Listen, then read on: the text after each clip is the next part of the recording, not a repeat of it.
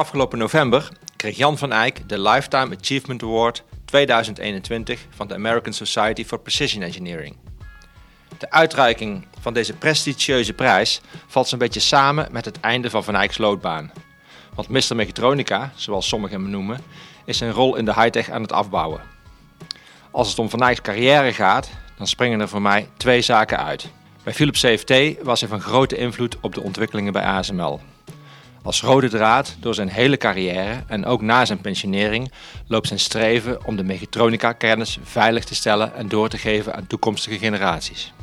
De kunst is om de continuïteit te waarborgen onder druk van de waan van de dag dat er geld verdiend moet worden, zo zegt hij het zelf. Alle reden om Van Eyck weer eens uitgebreid te spreken. Mijn collega Alexander Pil, hoofdredacteur van Mechatronica en Machinebouw, zocht hem op.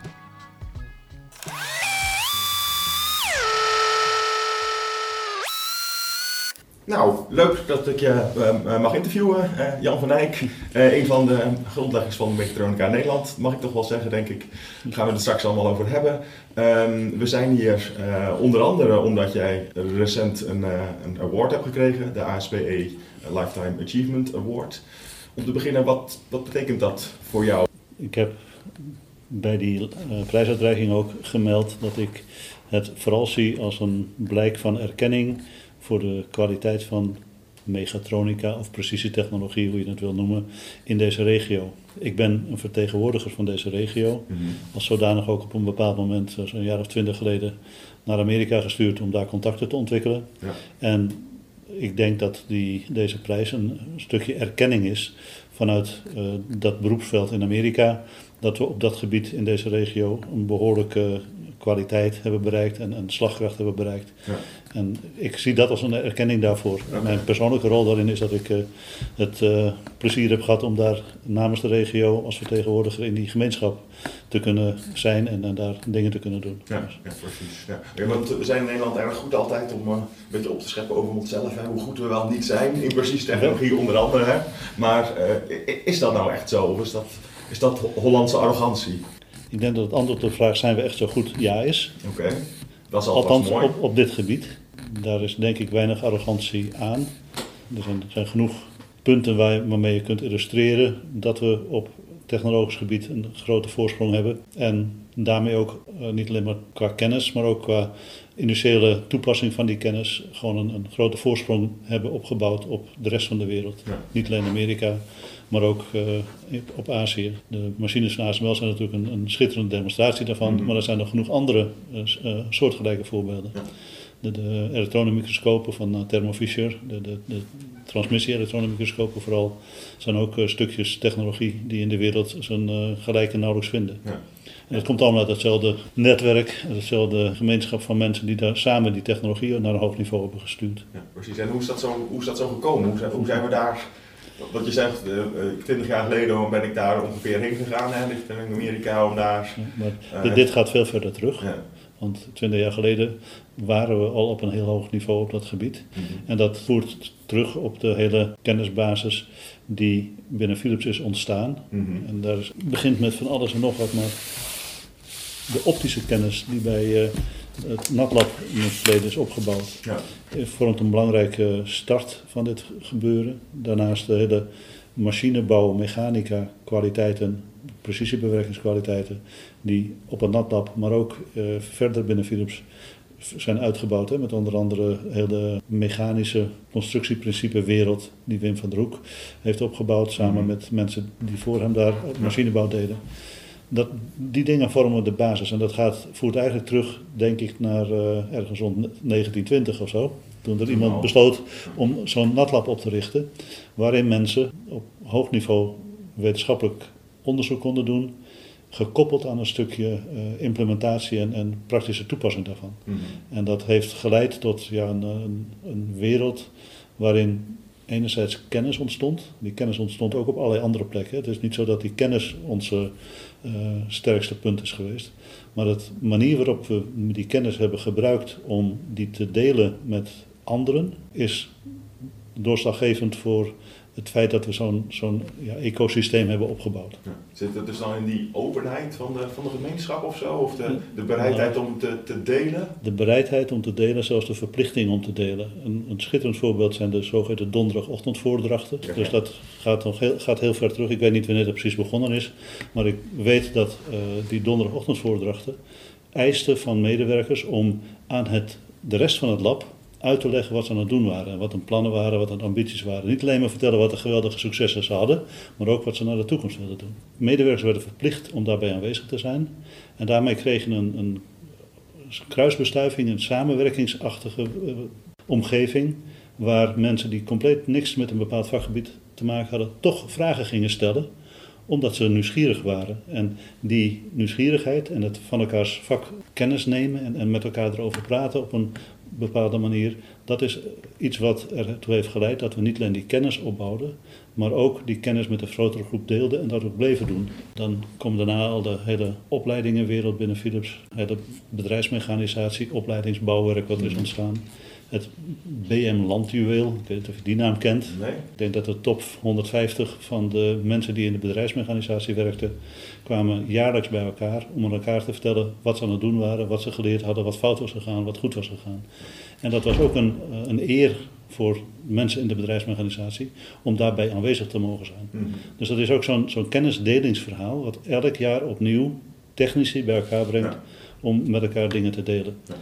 Nou, dat zijn een paar voorbeelden. Later hebben we die, die landjuwelen, die zijn denk ik gestopt toen de bedrijfsmechanisatie in het zwarte hoekje, in het eh, slechte hoekje terecht kwam. Ja. Midden jaren tachtig. Toen is er, zijn er conferenties georganiseerd, die ook jaarlijks waren. Het ene jaar regeltechnisch, het andere jaar mechanisch ontwerp gericht. Die hebben ook, uh, ik denk twintig jaar lang, zijn die, uh, 20 of 25 jaar lang, zijn die conferenties elk jaar gehouden. Ja.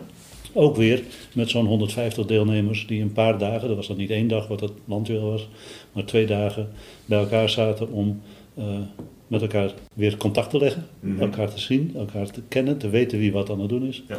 En met elkaar technische informatie uit te wisselen. Ja. En dat, dat is een soort van continue stroom. Die, op een gegeven moment zijn wij met die mechatronica cursussen begonnen. En die ook hetzelfde doel hadden als die hele donderdagochtendvoordrachten.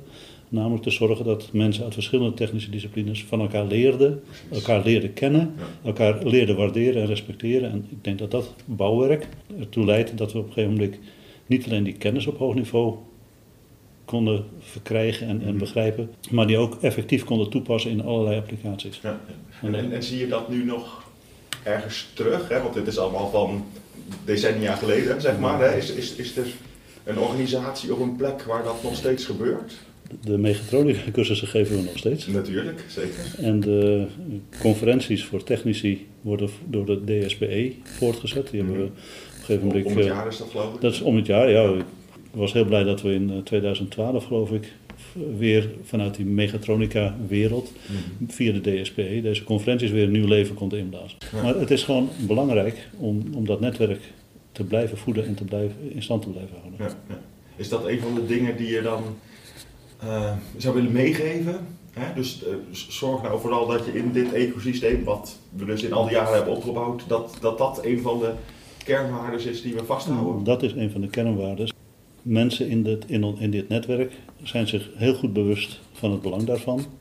En de kunst is om de continuïteit te waarborgen onder de druk van de waan van de dag dat er geld verdiend moet worden enzovoort. Want dat is, dat is altijd een spanningsveld. Mhm. En uh, binnen Philips was dat vanaf de, de KCMIR-tijd iets wat min of meer een opdracht was van de leidinggevende. Van zorg dat je met elkaar die kennis deelt en dat je dat, voor elkaar krijgt. Uh, binnen Philips is dat denk ik bijna 100 jaar uh, voortgezet. Maar ik hoop dat er uh, vanuit allerlei andere bedrijven in de toekomst wel degelijk die aandacht blijft. En je ziet ook dat de cursussen die uh, Adriaan organiseert met Mechatronics Academy, daar zijn spelers van alle belangrijke technische bedrijven betrokken als docenten.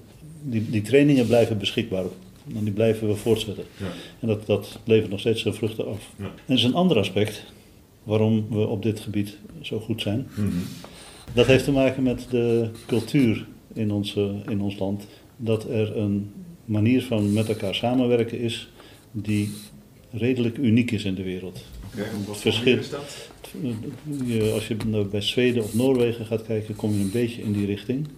Maar er is, uh, als je over internationale culturen praat, is er een soort van standaard deskundige. Dat is een meneer Hofstede. Oké, okay, maar goed. Dus en, en, wat, is er, wat is er hier zo anders in, uh, in deze nou, regio? Als je gaat kijken naar allerlei culturele kenmerken van hoe we met elkaar samenwerken, hoe mensen in Nederland met elkaar omgaan. Je kent het verschijnsel polderpolitiek. Uh, dat is iets ja. van consent, op consensusgerichte manier om dingen op te lossen. En dat wordt leuk geïllustreerd als je gaat kijken naar de culturele aspecten van verschillende landen. -hmm de verschillen tussen de Verenigde Staten en Nederland, dat is het, uh, denk ik het meest interessant even, want alle andere landen zijn ongeveer hetzelfde uh, als de Amerikanen in, qua eigenschappen. En kijk, hier zie je een vergelijkings plaatje waarin de culturele aspecten van verschillende van, van de Verenigde Staten en Nederland met elkaar vergeleken worden. Ja. Dat gaat langs zes dimensies mhm. die door allerlei vragenlijsten worden bepaald.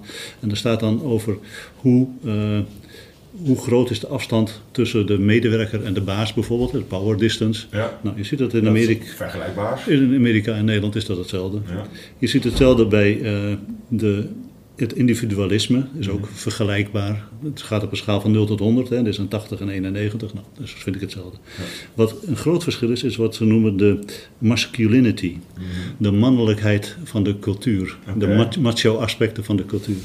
In Nederland is die heel laag, op 14, en in Amerika is die op 62 redelijk aan de hoge kant. Ja. Dat is een heel groot verschil. Oké, dat heeft dus niet te maken met het de verhouding man en vrouwen. nee, nee, het heeft te maken met het gedrag. Ja. Met het, het baasje willen zijn. De, de, en in bedrijven merk je dus dat in Amerika wordt het heel erg op prijs gesteld als je heel daadkrachtig en, en zelfbewust enzovoort bent. Terwijl in Nederland zachte elementen, empathie, samenwerkingsgerichtheid, een veel belangrijkere rol spelen. Mhm. En daarin is Nederland dramatisch anders dan heel veel andere landen. Zelfs dan bij wijze van spreken Duitsland? Of, of... Duitsland is vergelijkbaar met Amerika op deze uh, as. Dus in Duitsland is ook de macho-cultuur, daar is de baas is de baas. Het is herprofessor hè, en ja, herdokter. Is en, ook zo. Ja. En dat is ook een andere cultuur. Hier in Nederland, als iemand mij herprofessor noemt, dan denk ik dat hij in de maling aan het nemen is. en daar ben je verplicht om het te doen. Dus het is, het is een heel andere cultuur. En er is nog eentje uh, waarop je waar een groot verschil is. Dat is op de lange termijn gerichtheid. Mhm. In Nederland zijn we er uh, meer uh, aan het kijken naar wat we op lange termijn voor elkaar kunnen krijgen. En in Amerika is het veel meer op de korte termijn. Er moet ja. nu geld verdiend worden. Precies. Ja, nou, ja, dat zijn cultuurverschillen. En dat is dus niet alleen met de Verenigde Staten, maar met Duitsland, Engeland, Frankrijk zie je hetzelfde. Met de Scandinavische landen, die gaan veel meer richting de Nederlandse cultuur. Veel uh, meer op samenwerking en, en op uh, de mens gericht. En dat is een, als je naar mechatronica kijkt, moet je ervoor zorgen dat je mensen laat samenwerken. Vanwege die multidisciplinariteit. Vanwege die multidisciplinariteit. En je wil het op hoog niveau doen. Dus je hebt echt een specialist elektronicus nodig. En een specialist thermische ontwerpen. En een specialist mechanisch ontwerpen. Om echt iets te kunnen betekenen. Ja. Die mensen moeten met elkaar samenwerken. En als ze allemaal het alfamannetje willen zijn. De baas van, van het kippenhok willen zijn. Ja, dan ga, gaat dat niet. Dus dat is wat Rien Koster uh, al heel vroeg ontdekte toen hij probeerde binnen uh, Philips het... Uh, FAM-project te starten. Dat was een project om de beste robot, industriële manipulator, laat ik het zo noemen, ja. ter wereld te ontwikkelen. Daar had hij de beste uh, mensen voor bij elkaar gezocht. De beste techneuten in verschillende vakgebieden bij elkaar gezet en gezegd: binnen een jaar moeten dingen kunnen staan. Mm -hmm. Technisch is dat ook mogelijk. Maar praktisch bleek dat die mannen alleen maar ruzie met elkaar gingen zitten maken. Okay. En we dus na een, na een jaar het project hebben opgedoekt en opnieuw begonnen zijn mm -hmm. met een veel meer bewust zijn van die problematiek. Dat als je allemaal van die mannetjes naast elkaar zet en zegt dat ze moeten samenwerken, dat gaat niet vanzelf. Nou, dat is ook de basis geweest van die hele mechatronische opleiding, die we eind 80 jaren toen zijn gaan opzetten. Ja, maar dat betekent dat in die tijd er nog wel een, een, een alfa-cultuur of een alfa-mannetjescultuur was. Er, er, was Meer, in, ieder geval. Er was in die, die, de algemene cultuur in Nederland is dat je met die uh, meer uh, op samenwerking gerichte waarden uh, in Nederland beter op je plek bent. Maar als je naar de topspecialist elektronica, uh, regeltechniek, mechanica, motorontwerp enzovoort ging kijken in die tijd, waren die er toch wel heel erg op gericht om te laten zien dat zij wel de beste waren. Want dat, mhm. dat werd je geleerd, ook op de universiteit, van ja, ons vak is het belangrijkste. En als je daar heel goed in bent, dan ben je dus de belangrijkste. Nou, dat is een cultuur die uh, moeilijk te doorbreken is. Ik denk dat we daar in uh, zeg van midden tachtiger jaren, toen Rien Koster met dat project begon, toch serieus mee bezig zijn geweest om dat af te breken. Dus in onze technische netwerk zijn we wel degelijk uh, op het punt gekomen dat we elkaars technische deskundigheid respecteren, gebruiken en, en ook samen dingen voor elkaar weten te krijgen. En het ook niet erg vinden dat, uh, dat de elektronicus in een bepaalde setting de, het voortouw neemt, of dat de, de, de motorontwerper of de thermisch analist, weet ik veel. Mhm. we, we, accepteren elkaars expertise veel beter en, en dan, zeg 30 jaar geleden. Ja, ja oké. ja. En, en is, want, want, want vroeger zat dat veel binnen de, de muren van Philips, hè? Binnen, binnen, hetzelfde bedrijf. Nu zijn, is, is dat allemaal versplinterd. Zitten, er, zitten die, kennis, zit die kennis overal een, een, een beetje, hè? of in ieder geval is dat veel meer verspreid. Is dat dan moeilijker om het dan ook voor elkaar te krijgen? Nou, het is makkelijker om het voor elkaar te krijgen. Makkelijker zelfs. Omdat je overal mensen hebt die op die manier bereid zijn uh, anderen de ruimte te geven om mee te denken, mee te werken in het verhaal. Dus mhm. dat is makkelijker. Wat moeilijker is, denk ik op termijn, is om de continuïteit van dat uh, bouwen aan dat netwerk, om dat vol te houden. Want dat eist uh, toch wel wat inspanning. Ja.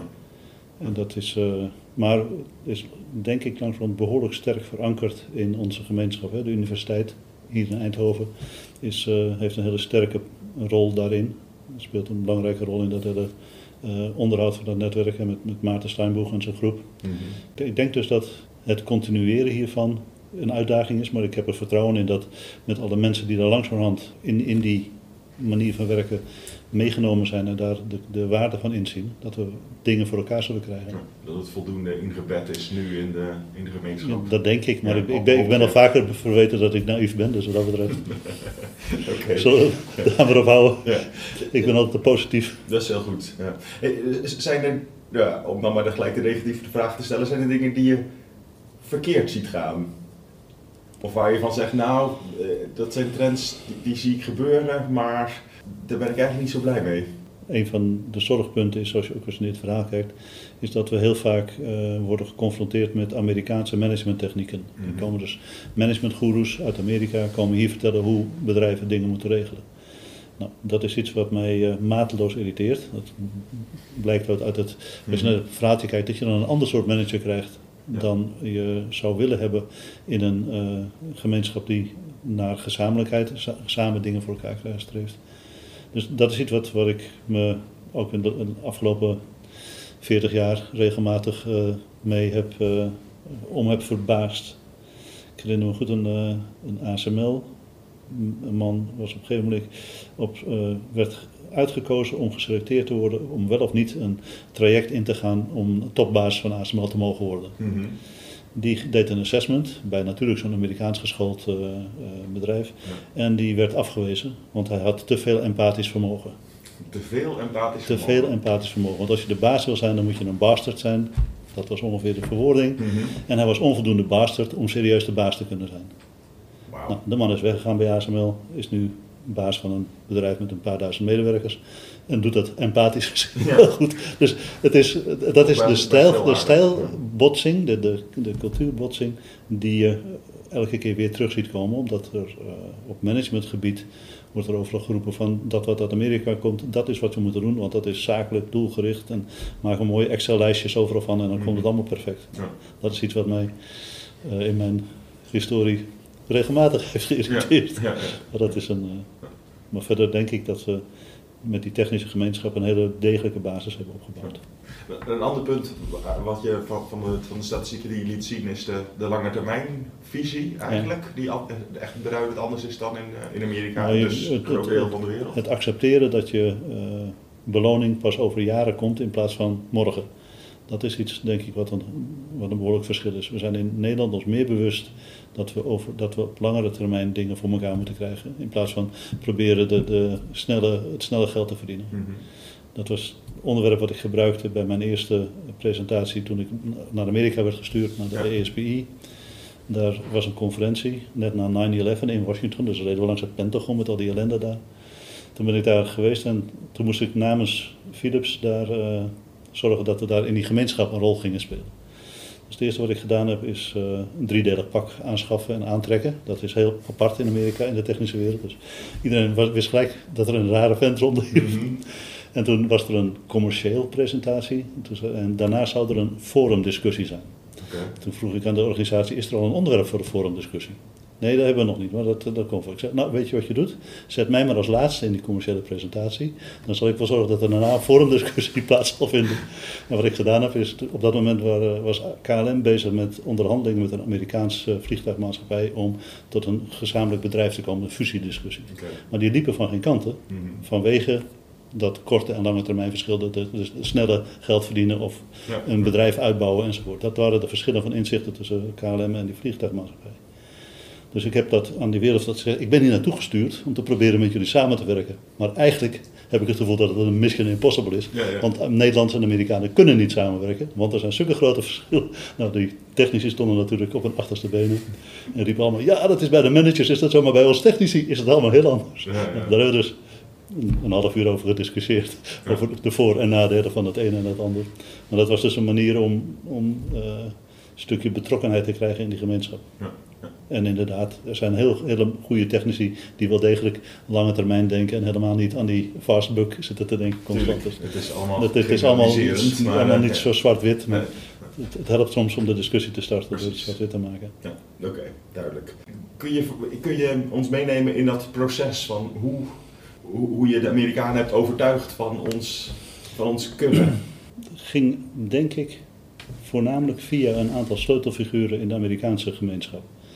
Ik had uh, Dave Trumper, kende ik omdat van hij een aantal ja. uh, van MIT, kende ik omdat hij een aantal publicaties had gemaakt over planaire motoren en nauwkeurige positioneringsdingen, uh, dus magnetic levitation-achtige dingen. En toen ik professor werd in Delft in het jaar 2000, toen hadden wij op dat moment, waren we met een eerste project in Amerika bezig. Dus ik kwam ook regelmatig in de buurt van, van Cambridge, van Boston. En ik uh, had van mijn voorganger in Delft gehoord van, dat, dat is een, uh, een, goed contact van mij, die man is een aardige fan. Dus ik probeerde een afspraak met hem te maken. Nou, hij ontweek dat constant, mm -hmm. tot ik op een gegeven moment om drie uur s middags belde en zei van, ik ben nu in, bij jou in het gebouw, zo kan ik bij je langskomen. Nee, nee, nee, ik heb geen tijd. Maar als je om kwart over vijf komt, heb ik wel een kwartiertje voordat ik in huis ga. Wow. nou, dus het was duidelijk dat er iets aan de hand was daar. Dus ik was om kwart over vijf kwam ik bij hem op zijn kantoor en we hebben er tot een uur of zeven gezeten. Want toen begonnen we te vertellen wat we aan technische dingen aan het doen waren. En het blijkt dat hij met dezelfde problematieken eh, bezig is als waar we binnen Virus mee bezig waren. Trillingen, regeltechniek, elektromotoren, alle aspecten die je in mechatronica tegenkomt. Daar was hij op eenzelfde manier mee bezig. Hij was bezig met een een verfmachine voor bezemstelen. Er ging dus door een okay. fabriekshal liep een bezemsteel. Uh, die moest geverfd worden, gecoat en dan uitgehard enzovoort. Mm -hmm. Maar die mocht dus nergens aangeraakt worden. Dat was een bezemsteel van, van ik denk dat het 40 of 50 meter lang was. Okay. Aan het eind moest hij gechopt worden natuurlijk. Ja, ja, ja. Maar die werd gelagerd in magneetlagers. Dat was natuurlijk schitterend, want als je gaat nadenken over hoe dat moet, dan kom je allerlei dingen tegen. En dat had hij dus uh, als project gedaan. Op een gegeven moment gaat het een keertje mis, loopt de hele bezemtelentoestand in de puin. Maar het was, het was een schitterend project om uh, de mechatronische dingen te bekijken. Dat klikte zo erg dat ik nog steeds uh, goed bevriend ben met hem. Maar in zijn kielzog zijn allemaal promovendi van hem, die en ook in die vereniging zitten die kom je dan ook tegen, daar kom je mee te praten. En die, je bouwt dan langzamerhand op, langs de technisch inhoudelijke as goede relaties op met een hoop van die mensen. Ja. En dan, dan, ja, dan word je vanzelf geaccepteerd. En dan worden ze ook nieuwsgierig van wat gebeurt er hier. Dus ze komen hier naartoe om dingen te bezoeken. Ze komen bij conferenties hier om ja. bij jullie uh, conferentie in Den Bosch hebben ze ook een tutorial georganiseerd met twee Amerikaanse promovendi van Dave Trumper. Ja. En zo bouw je langzamerhand aan dat netwerk. En ja, dan blijkt dat er uh, samenwerkingsverbanden ontstaan die uh, ook in de regio op allerlei plekken de kop erop steken. Wat heb je er ge geleerd of wat heb je er meegenomen uit, uit Amerika deze kant op? Dat is een moeilijke vraag. ik, ik, denk dat er op technisch gebied wel een aantal dingen zijn die ze daar op een andere manier doen dan wij hier doen. Mhm. En dat ik daar toch bewust of onbewust dingen van mee heb gepikt. En verder, uh, wat ik geleerd heb, is dat ze uh, een omgeving hebben die heel open is naar de buitenwereld. Dus, dus ze zijn heel, uh, dus niet alleen de technici, maar ook de Amerikanen zelf. Je denkt dat dat allemaal van die fastbook-denkers zijn, maar in de praktijk blijkt het erg mee te vallen als je daar reist. Ik vind het een heel fijn land om daar te reizen. Mhm. Naast wat technische inzichten die je natuurlijk oppikt als je hoort hoe andere dingen doen. Ja. Uh, denk ik niet dat ik heel veel dingen kan aanwijzen die ik daarvan heb meegenomen hier naartoe. Nee, Oké, wat heb je er gebracht? Ik denk dat er uh, in de afgelopen 20 jaar wel, wel iets van, van 30 of 40 keer tutorials zijn gegeven door Nederlanders in, in, in die conferentie, in die ESP-omgeving. Mm -hmm. Dat wordt daar heel erg gewaardeerd, want ze hebben daar ook hun uh, superspecialisten op het mechanisch ontwerpen, het constructieprincipes. Er hebben ze een aantal mensen die dat uh, op een heel hoog niveau uh, bedrijven. Maar toch vinden ze het wel fijn om ook eens een keer die andere benadering te horen. Dus het is toch kennis die wij hier hebben, die zij daar graag willen, willen ja, oppakken. Ja. Maar ze hebben daar geen cultuur van opleiden. Dus het is heel moeilijk voor hun om een cursus te gaan volgen. Dat is eigenlijk in Amerika gebeurt dat bijna niet. Okay. Dat, nu hebben we dus door de invloed van ASML uh, dat er cursussen in, in San Diego voor ASML en in Wilton voor ASML gegeven worden, die uh, pakken dat wel op. Ja. Maar andere technische bedrijven, zoals 3M bijvoorbeeld, dat is ook een grote speler daar, mm -hmm. die hebben toch niet zo'n cultuur om mensen naar een cursus te sturen. Behalve als ze naar zo'n conferentie gaan, dan zijn er altijd voor de conferentie. In Amerika hebben ze dan twee dagen tutorials. Mm. Nou, en daar mogen dan de medewerkers wel naartoe, want dan gaan ze naar de conferentie. Ja. En dan mogen ze best een dag langer om ook nog iets op te pikken, of twee dagen langer. Ja. En dan zie je dus die mensen van 3M langskomen die daar uh, komen luisteren naar die verhalen. Terwijl de, de, training hier die duurt eigenlijk twee weken bij elkaar. Hè? Ja, als je de mechatronica cursus wil doen, dat duurt twee weken. Ja, dus maar dit, dit, dit zitten allemaal blokjes. Die, uh, en, en er zijn dus mensen die in de loop der jaren dus verschillende blokjes uh, hebben meegedaan en daarmee toch een stukje beeld hebben op te bouwen. Ja.